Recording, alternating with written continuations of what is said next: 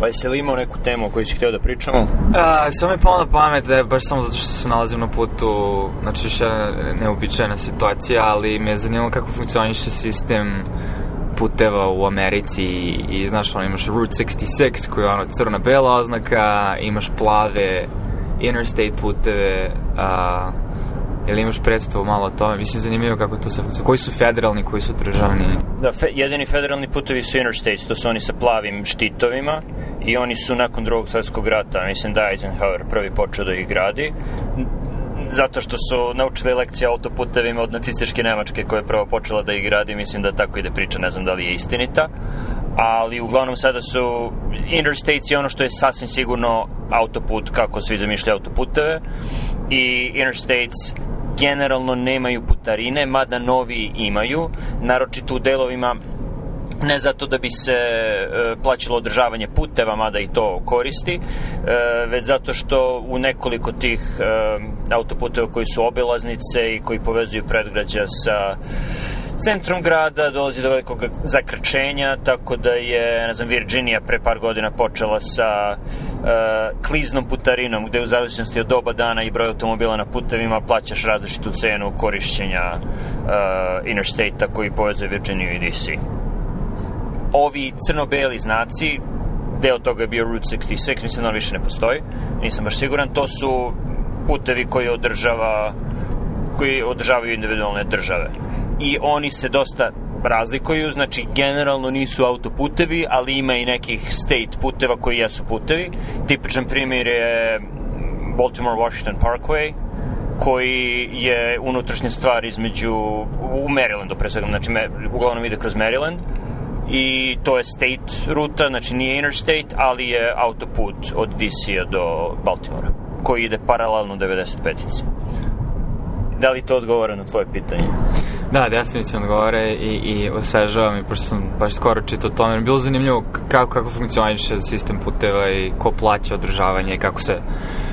sve ovo organizuje. Um, A ono što mi bilo kad si spomenuo Eisenhower posle drugog svetskog rata, skoro sam još gledao kao neki mini dokumentarac na temu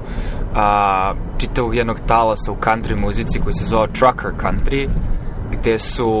baš u tom periodu znači velike eksplozije autoputeva u isto vreme a, putnog saobraćaja, pogotovo saobraćaja kamionima, znači razmene robe a, i u isto vreme revolucije radija i postojanja radija, a u isto vreme postojanja on, lokalnih radiostanica koje imaju samo određen domet ili čak ljudi koji su imali svoje a, u kamionima radio emitere neko koji stručni tome će me vratno ispraviti kako se to tačno zove, ali je zanimljivo bilo kako je to dovelo do 50. i 60. godina do čitavog novog žanra u country muzici gde se koristio čitav slang koji su a, vozači kamiona koristili kada razmenjuju informacije na putu o stanju na putevima, mestima gde možeš da ideš da jedeš itd. itd. Što je neki način kliknulo kao neki primordijalni internet, u stvari je bila mreža ljudi bežična koji su komunicirali i razmenjivali informacije pre nego što je internet postojao. To je zanimljivo i vraća me na nešto o čemu smo, čini mi se, pričali pre godinu dana sada već o tome kako su kamionđi u Americi generalno bolje obrazovane nego što bi se dalo um, zamisliti, mada si ti rekao da Srbi generalno koji se bave uh, transportom i koji rade u, u, u tom polju možda i nisu baš toliko, ali, uh, na primer, jedina osoba koja je ne postoje zvanični nacrti atomske, dve atomske bombe koje su bačene na Hirošimu, druga na, na Nagasaki. Ne postoji to još uvijek klasifikovano, ali je jedan kamionđija uspeo da sklopi nacrt koji su ljudi koji su bili povezani sa Manhattan projektom potvrdili da da to je tačno nacrt atomske bombe i to je uradio tako što ga je put nanosio kroz Novi Meksiko i Arizonu i Illinois oko Čikaga gde su delovi Manhattan projekta počeli i pričao sa naučnicima koji su tamo radili i uzimao nacrte, pokazivao im kad je imao usputne stanice, tako da je uspeo da sastavi te nacrte. I opet, anegdote, imamo dosta pacijenata gde ono, kamionđije, ali imaju duge vožnje gde dosta čitaju i dosta su načitani generalno i uh, bolje obrazovani nego što u Srbiji zamisliš kad kažeš da je neko kamionđije. Tako da me ne iznenađuje da su oni imali da su oni razvili tu komunikacijonu mrežu. Da, zanimljiv je, zanimljiv život i zanimljiv konceptualno, pogotovo što na neki način u tom periodu, pogotovo te eksplozije, to i bio neki odraz neke srednje, ono, radničke klase, to jest, ono, blue collar, uh, mada sada posao kamionđi je toliko plaćen da si u principu plaćen kao medijana white collar posla, uh, s obzirom da je veća potražnja nego ponuda. Um, ali u tom trenutku definitivno, sad samo vraćam malo na muziku, je to održavalo neke momente s kojima je mogla da se identifikuje radnička klasa. Um, jer ono, voziš na putu sam, usamljen, teme su uvek daleko od kuće i, i onda na kraju bili su čitavi podžanrovi srceparajućih pesama na temu gde ti je porodica, gde su ti deca, la la. Ali sad razmišljam da li uopšte postoji takav moment u kulturi, da, da, posto, da li postoji muzika koja odražava šta, kroz šta radnička klasa prolazi ili su to samo derivati pop muzike koja je ono čisti konzumerizam da bi kupovao stvari išao na koncert? Siguran sam da postoje country pesme i dalje koje svi smevaju, koje niko ne sluša, ali koji govore o opioidima i smrti od predoziranja i gubljenju posla i novoj ekonomiji to što mi ne znamo o tome i što se sada u prvi plan guraju neki drugi žanovi, to je druga stvar, ali mislim da sa jedne strane ta muzika odražava radničku klasu, a sa druge strane ako pričamo o manjinskim radničkim klasama, to bi bio šta, rap, R&B, tako neke stvari o kojima opet ne znam ništa, tako da ne bih da pričam o stvarima koje ne znam. Da, ali viš, baš mi je bilo zanimljivo, pošto sam ono, sad, ono, skoro sam isto, smo vozili pre, prošli vikend šta već i onda smo opuštao country muziku, da se stvarno vidi velika razlika između countrya koji izlazi od 50-ih, 60-ih, 70-ih, pogotovo kroz znači, diskog, diskografske kuće štampano na vinilu i koje su teme bile tad i country koji sad izlazi, tipa ono top 100 pesama u zadnjih 5 godina koji je mnogo, mnogo komercijalizovaniji jer ima mnogo, neverovatno koliko je on, derivativan, ako uopšte to reći može se koristiti na srpskom, ali uvek su iste teme, iste priče, isti pridevi, spominje se pivo, spominje se kamion na putu, spominje se ne znam šta i, i nakon slušanja tih pesama, znači duže od ono 30 minuta više ne znaš da slušaš samo jednu tistu pesmu, ono, progresije i akorda su identične. Uh, I zanimljivo zašto Bob Burnham, mislim, okačiću link, ali ima pesmu gde ismeva tačno to gde peva country pesmu koja je napravljena na način i u isto vreme što ni kritikuje žanr u što je evoluirao, tako da sigurno sam da postoji country koji je ono, po znacima navoda alternativniji, lokalniji i dalje istinit u smislu autentičan, u smislu odražava stanje stvari, ali mislim da je u isto vreme veliki broj ljudi našao znaš, ljudi poput Tim Urbane, šta ti ja znam, ne poznam ni ja mnogo tih trenutno popularnih ultra mega zvezde koje ono prodaju stadion i šta ti ja znam, ali sve njihove pesme su iste. Um, I zanimljivo kako to tako muzicija fluktuira iz, iz jednog u drugog. Suzdržao bi se od donošenja snažnih zaključaka na tu temu, jer igrom slučaja sam pre nekoliko nedelja video da Apple Music ima top liste za svaki grad, tako da imaju i top 10 ili top 20 DC. Interesovalo me da čujem šta se to sluša u DC-u u strani ljudi koji plaćaju Apple Music, što je opet neki podskup i mogu isto tako da kažem da je prvih sedam pesama, bar dokle sam stigao, meni zvučalo identično i bavilo se istim temama i imalo isti ritam u pozadini i ne znam da li je to zato što je stvarno tako ili zato što ja nemam iskustva u slušanju takve muzike, tako da mi se sve stopi u jedan isti zvuk. Sa druge strane, da li ti to country muzici donosiš kao zaključak sobstvenog slušanja ili kao nešto što si e, naučio od Boba Burnhama? Bob Burnham. Ne, ne, mislim, dobro, on, on to daje samo komentar i to je više neka stvar koja je, ono, više poput, kako bi preveo trope, uh, klišeja, je, da. Um, ali ne, baš sam, baš sam, aktivno smo teli i, i zanimljivo, znači, razumem tvoj komentar, ali evo daću ti nešto što možda može malo da razluči, zašto mislim da ovo što govorim ima smisla, to je zato što kad smo, kad slušaš te playliste, kad slušaš stvari koje su izašle pre 40-50 godina, koje su i dan danas popularne i održale su test vremena, Lindy su, um, drugačije su pesme. Slične su teme, ali su pesme dovoljno drugačije da možeš da ih razaznaš, ali kad uđeš u pesme posle 2010. Pogotovo što se i produkcija dramatično promenila, znači mnogo se više filtera koristi, mnogo više autotuna, tako da je to toliko sve ispeglano da, kažem ti, zvuči vrlo, vrlo slično i nakon sat vremena se samo umoriš jer je derivativno, ali opet razumem, ako provedeš više vremena, mislim, ako provedeš vremena gledajući zid, u jednom trenutku naći ćeš zanimljive stvari na zidu. Um, a, a, moj zaključak u svom, u svakom slučaju je da bih volao više da slušam te muzike, samo a, verovatnije stvari koje su izašle malo ranije nego sad. Znam da zvučim kao matori pardon, ali ako neko ima neku cool country muziku koja sada izlazi, sad više imaš taj kao alternativni, alternativni folk ili šta već, da imaš ljude koji snimaju ono u svojoj garaži, uh, tako da ima takvih autora, ali ovi ljudi koji prodaju stadione verovatno nisu, nisam ja njihova publika. U redu, koliko toga može da bude, uh, hajde prevedi survivor bias, uh, ili survivorship bias, ko, kada bi imao vreme plovi, kada bi se vratio ono, 1950 i neku ili rane 60. i pustio neku country stanicu, koliko muzike koje, koje je od tada preživela je preživela zato što je kvalitetna, a možda je bilo jednako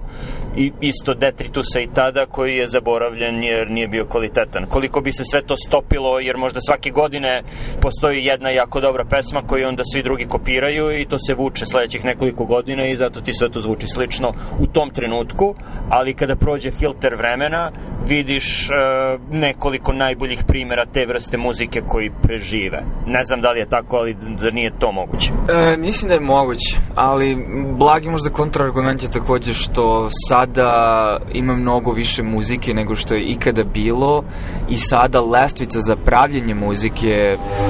opa evo neki kolege na motorima a, sada lestvica za pravljenje muzike je niža nego što je ikada bila tako da ti možeš kod kuće za malu svotu novca da ili čak besplatno ako piratizuješ taj software da praviš svoju sobstvenu muziku, uključujući, mislim, ono, samplove instrumenta koji zvuče vrlo živo, a mislim možeš i da priključaš mali synthesizer koji opet nije skup. Tako da, mislim, hoću kažem da sada gotovo sigurno ima mnogo više muzike nego što je ikada bilo, uključujući i country muziku, tako da i to filterisanje bi trebalo da se desi na, u mnogo većem broju pesama. Ali definitivno da, pesme koje su ostale, su ostale sa razlogom blaga heuristika koja koristim za ovu analizu što gledam koje su pesme popularne za zadnjih 10 godina. Nije najbolje merilo, treba prođe više vremena da bi onda mogu da porediš te kohorte ako tako hoćeš da ih nazoveš, ali ili ih ja tako nazivam. Um, ali da, mislim, ne znam, sam bilo zanimljivo, zanimljiva observacija sa moje strane, ali mi je drago što ti uh, pokušaš da uđeš u trag da li je to zaista zaključak koji ima neku težinu ili ima dosta nekih drugih um, bajesa, pristrasnosti, greška u mišljenju koje te dovode na takve zaključke. Druga stvar je da li možda pratimo pogrešne naslednike te muzike 50. i 60. godina, da li ono što se sada zove country je jedan od, jedna od grana gde je evoluirao i možda je evoluirao u slepo crevu ili nešto što je trenutno beskorisno, možda će postati nešto bolje, a možda neka druga vrsta muzike koja nije top 10 country, nego se zove, to što ste rekao, alternativni folk ili tako nešto, možda je to bliži duhovni naslednik te muzike i možda to još uvijek postoji, ali nije tako popularno. Slažem se, mislim, sada možda malo, pošto ono, blago imamo i meta konverzaciju, ali na nivou meta konverzacije o generalnoj evoluciji muzike, mislim da ono što je internet doveo i u isto vreme opet snižavanje lestvice za produkciju. Mislim, ono, ljudi proizvode muziku od, od početka sveta i veka, ali sada kao nikada pre u isto vreme možeš da distribuiraš tu muziku. Mislim, koliko muzike ono iz preistorije preživelo? Ništa. Mislim, znači moraš naći način da zapišeš muziku, a od sposobnosti da zapišeš tonski zapis, gde je to bilo mnogo skuplje do sada, gde je trivialno, jer svako, gotovo svako može sebe da priušti telefon, ako ništa drugo i potencijalno neki jeftini mikrofon, tako da može da snimi nešto po znacima navoda. Mislim da sada smo trenutno u eri velikog potencijala ili ta era se već dešava neko vreme, samo što Idemo pravo, okej. Okay ta era se dešava već neko vreme, samo što ono, znaš, kad si u nekom, kad si u periodu ne vidiš koje su njegove posledice dok ne prođe neko vreme i vidiš kako se svet promenio, ali mislim da ono što je opet internet, distribucija kroz internet, manje ili više slobodna, s obzirom da imaš agregatore koji naravno promovišu algoritme, to je zanimljivo vidjeti kako to utiče na ono šta je popularno ili ne, ali generalno što se muzike tiče, mislim da nam tek sad predstoji mnogo više izbora i autentičnih sadržaja i mislim da muzika koja će biti popularna će biti sve više derivativna jer zadovoljiti ukuse masa će biti sve teže i teže zato što će ljudi pronalaziti i nalaziti načine da nađu nešto što baš njima odgovara. I to ne mislim samo na muziku, mislim i na video sadržaje, mislim i na naš filmove, igrice, šta god. Mislim, ti sam vidiš sada koliko je sad lako da... Mislim, mi pričamo o tome kako ono, neku to, tvojih mlađih ukućana će potencijalno da programira igricu ako žele što je bilo mnogo, mnogo teže pre 20 godina. Tako da ako si to želeo, ne bi mogao to da uradiš. A, tako da mislim da internet definitivno doprineo revoluciju u tom smislu da ti sada možeš da praviš klipove od 30 sekundi ili filmove od 20 minuta i da konzumiraš sadržaje. Znači da se dijapazon ono, proširio nenormalno i da sledi novo doba u kojima ćemo možda svi gledati i konzumirati jedin, jedin, jedinstvenije, jedinstvenije sadržaje i bit će sve manje i manje dodirnih tačaka. Mislim da je to sasvim ok, jer ono što si ti rekao, sada je teško doći do masovne publike, pitanje je zašto ti je potrebna masovna publika, jer sada vrlo lako, što je prvo se vidi na primjeru pisanje, jer je najlakše napisati nešto, postoji ti ljudi čitaju direktno ti daju novac, tako da imaš Substack i te newslettere koji, koji olakšavaju ljudima kojima je pisanje profesija da uklone bilo koga između njih i, i svoje publike, E, tako da ti je dovoljno da, ne znam, hiljadu ljudi plaća 10 dolara mesečno da čita tvoje stvari. E,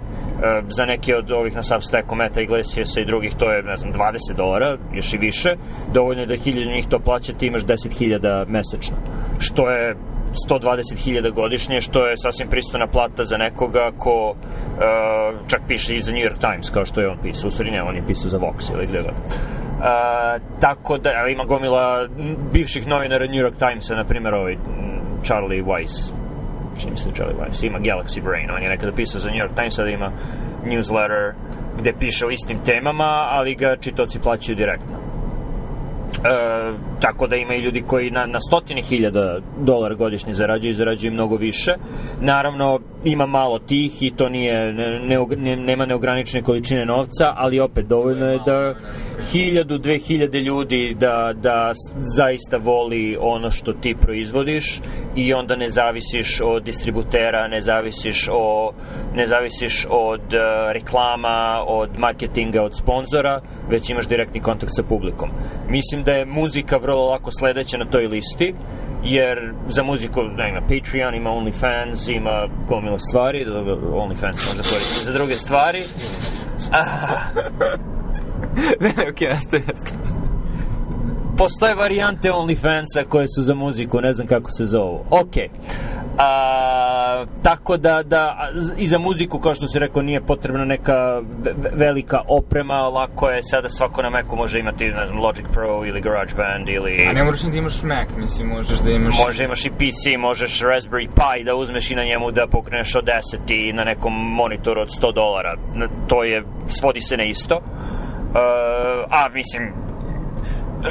na čemu sada sve ljudi slušaju muziku i na kakvim slušalicama sasvim definitivno nije potrebno imati neki visoki kvalitet zvuka. E, tako da lako možeš da proizvedeš to i lako možeš da distribuiraš i lako možeš da uspostaviš kontakt sa svojom publikom. I sa drugi i ono, sa pete strane nije čak potrebno ni, ni da naplaćuješ tu svoju muziku, dovoljno je da dovoljno ljudi na dovoljno različitih lokacija po Americi zna za tebe i ti ako može da napraviš karijeru od koncerata za 100-200 ljudi, 500 ljudi,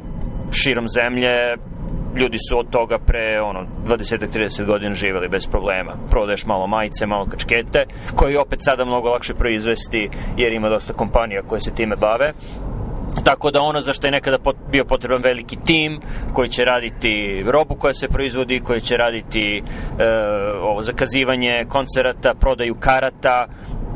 sve sada to rade kompjuteri i to je veliki porast produktivnosti koji uh, generalno statistike ne beleže. Znači, to niko neće reći, pitaju se ljudi kako kompjuteri, a ljudi rade više nego ikada za isti novac, pa da, ali rade mnogo više stvari koje nisu toliko očigledne. Rade se stvari za koje ti je nekad bilo potrebno mnogo više ljudi. Sada jedan band u Americi, bar ne znam kako je u Srbiji, može bez problema napraviti odličnu karijeru za koju je nekada bilo, bio potreban veliki tim, možda im je potrebna jedna osoba koja zna kako se radi na kompjuteru.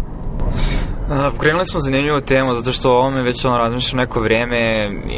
moja neka intuicija, znači ovaj internet u kome su sad, ovo je internet 2.0, ali tako, s obzirom da je internet web... Ne, ovo je web 3.0. Je... Možda je čak i 4.0. Pa to kažem, znači ovo što sad sledi sledeće će biti vratno nova verzija interneta i mislim da stvarno smo u tihoj, ili možda ne tihoj, ali ne toliko očiglednoj nama revoluciji koja se upravo dešava, to je upravo to da mnogi kanali koji su bili u principu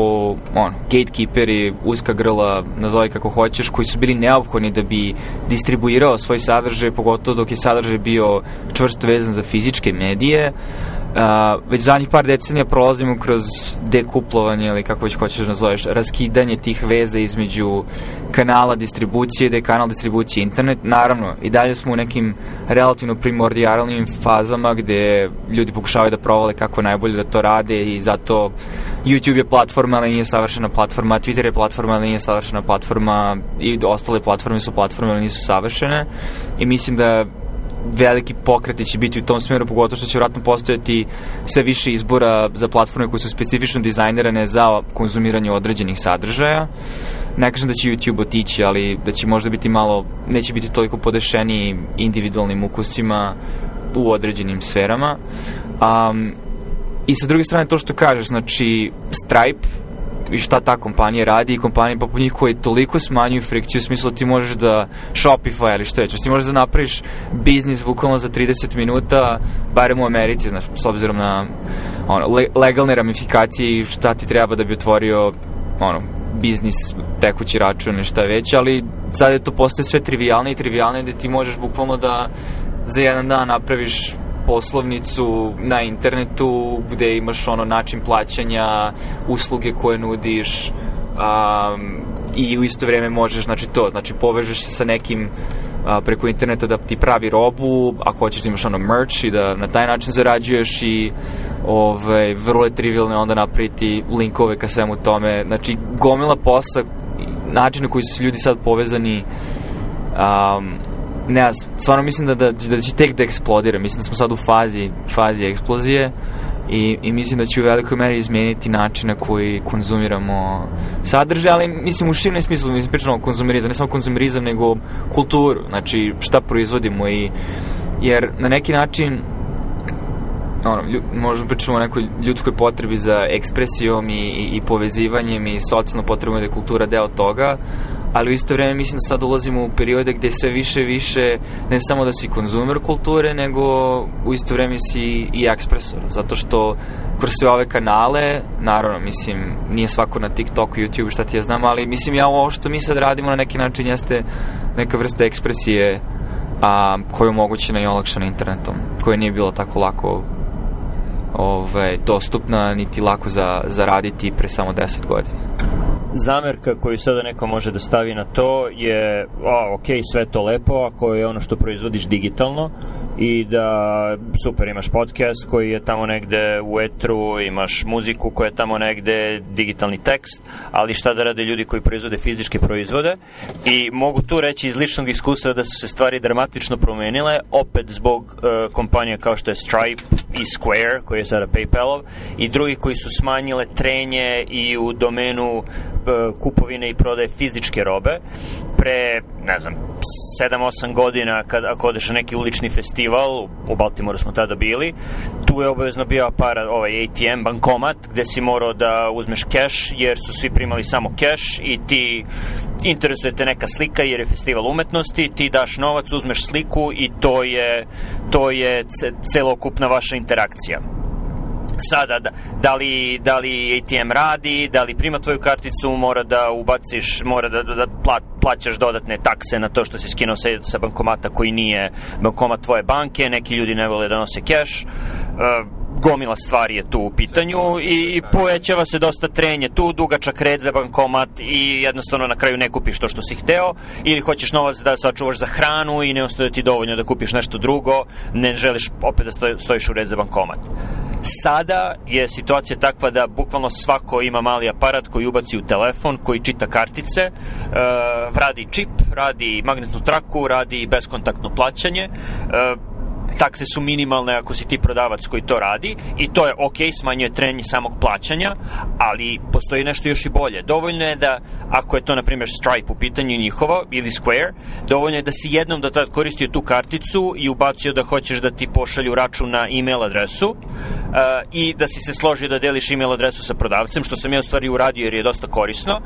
i u trenutku kada si ti platio neku robu svojom karticom tom prodavcu, taj prodavac ima tvoju email adresu i imate kontakt gde ako te interesuje eh,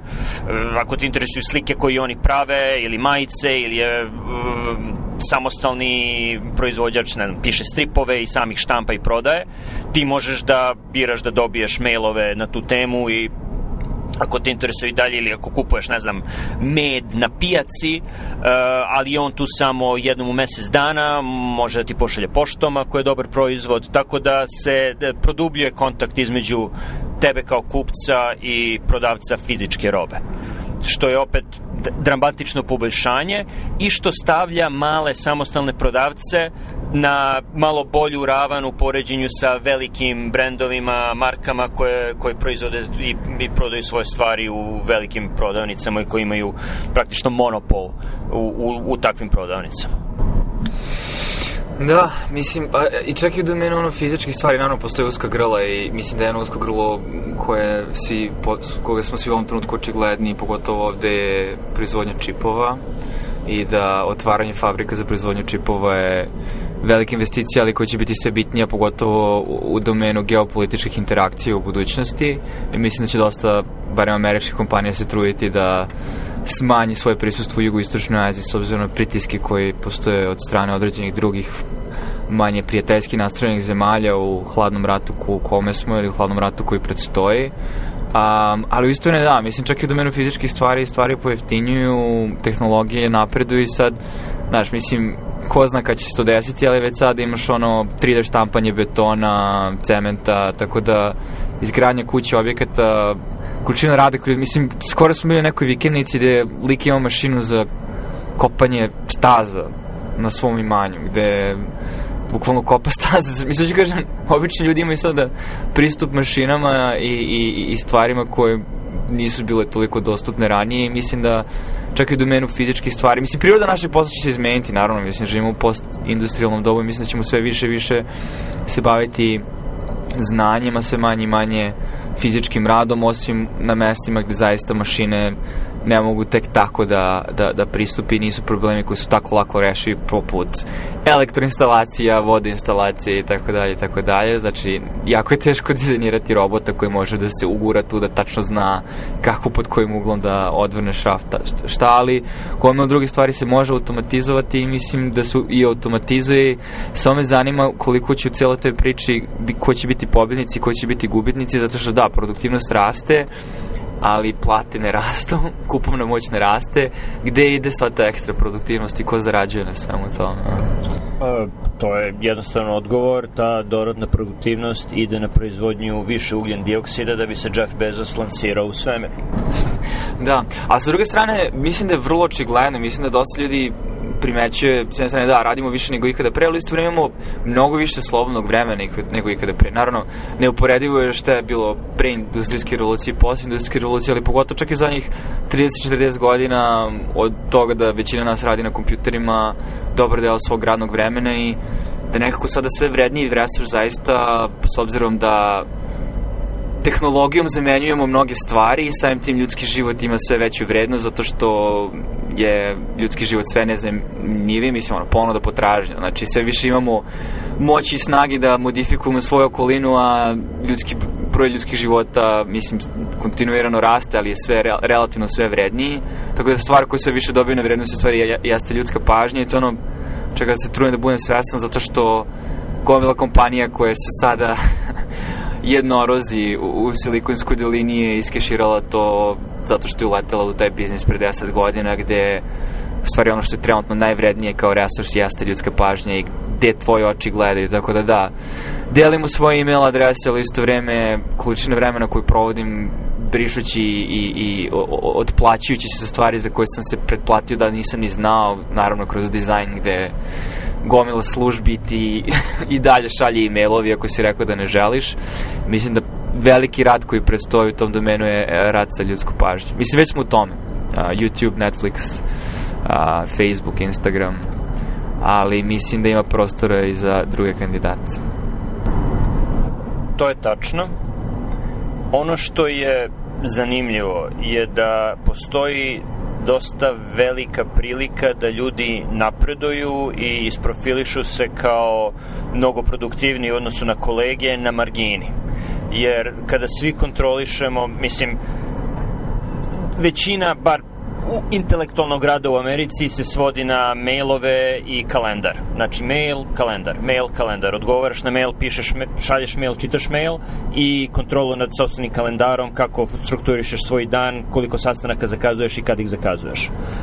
dovoljno je da znaš malo finesa oko toga kako da isplaniraš svoje vreme kada već imaš kontrolu nad svojim vremenom i kako da kontrolišeš svoj inbox, da, kako da postaviš filtere, kako da pišeš mailove, kako da odgovaraš na mailove, kako da naučiš da ignorišeš mailove. To te stavlja na mnogo bolju poziciju u odnosu na 99% drugih ljudi koji su uglavnom reaktivni, koji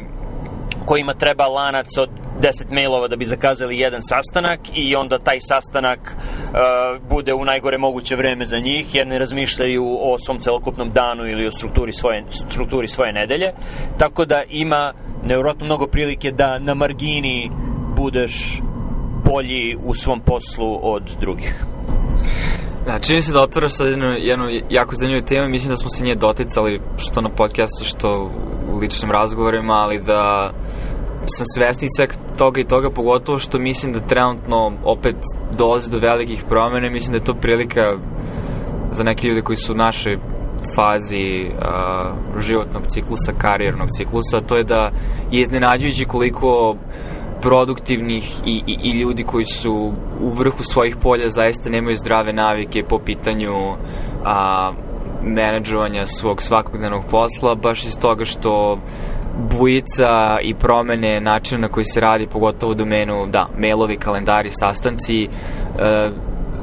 i to, i meni iznenađe koliko ljudi zaista ne razmišlja o tome van toga, nego samo prihvata to kao nešto što je suštinska neophodnost i način na koji se to radi, ali da u samo malo trude i, i, i ono, određenog svesnog napornog vremena u, u razmišljanju ok, kako najbolje da pristupim svemu ome, neverovatno možeš da a, rašistiš svoj dan. Mislim, za mene to je uglavnom rezultat toga što mene te stvari jako opterećuju inače i onda ne mogu, a da ne razmišljam o tome ali to dovodi do toga da da, razviješ navike i rituale gde ono, ne proveravaš mail više od dva put dnevno. A, na semaforu. Nastavljamo pravo i onda skrećemo na semaforu gde desno. Da, White Nose Drive. Ok. Ne treba da puniš gore. A, a imamo još 60 milija. Oh. Um, ali što se kažem, to dovodi do razvoja navike rituala u kojima, da, to na marginama, nevjerovatno kako može biti produktivnije, to je da malom investicijom u automatizaciju rada koji radiš svakodnevno i, i smanjenju opet frikcije ili količine. Mene najviše zamara ta promena um, kada treba da se prebacuješ jednog zadatka na drugi brzo, mislim da je mail najbolji primjer toga da se fokusiraš na nešto, radiš na nečemu i onda ostaviš notifikacije za mailove i odjednom, a mail i treba da se prebaciš na nešto što je urgentno, ali nikad nije urgentno. Urgentno je nekome drugom, ne i tebi. Jer da je urgentno neko bi te zvao na telefon. Um, tako da ovaj, stvaranjem tih navika zaista otvaraš onda prostor da budeš produktivni margini, uključujući ono što smo pričali čak u, u domenu, mislim, naučnog rada, opet iznenađujući koliko malo ljudi se služi. mislim, razumemo, ono, znači, jednostavno, software i, i skriptovanje stvari nije tako lako dostupno svima, niti ljudi koji su u, u biomedicini, a, neophodno, ima, imaju takve tendencije, ali mislim da sada je neophodnost i trenutno smo i dalje u fazi gde je karijerno pro, profitabilno vrlo investirati vreme u učenje jezika poput ARA ili mislim ti radiš matematiku, um, ali mislim da će za pet godina to biti opšte neophodno i da oni koji provale to na vreme će biti daleko produktivniji od onih koji zakasne na taj voz. Prešli smo dug put od priče o putevima preko country muzike do proizvodnje, sada do produktivnosti i mislim da je ovo dobro vreme da napravimo pauzu u snimanju kako ne bismo zbog neke hardverske greške izgubili sve. A ovo ćemo nastaviti mi za par minuta, a ko sluša za nedelju dana.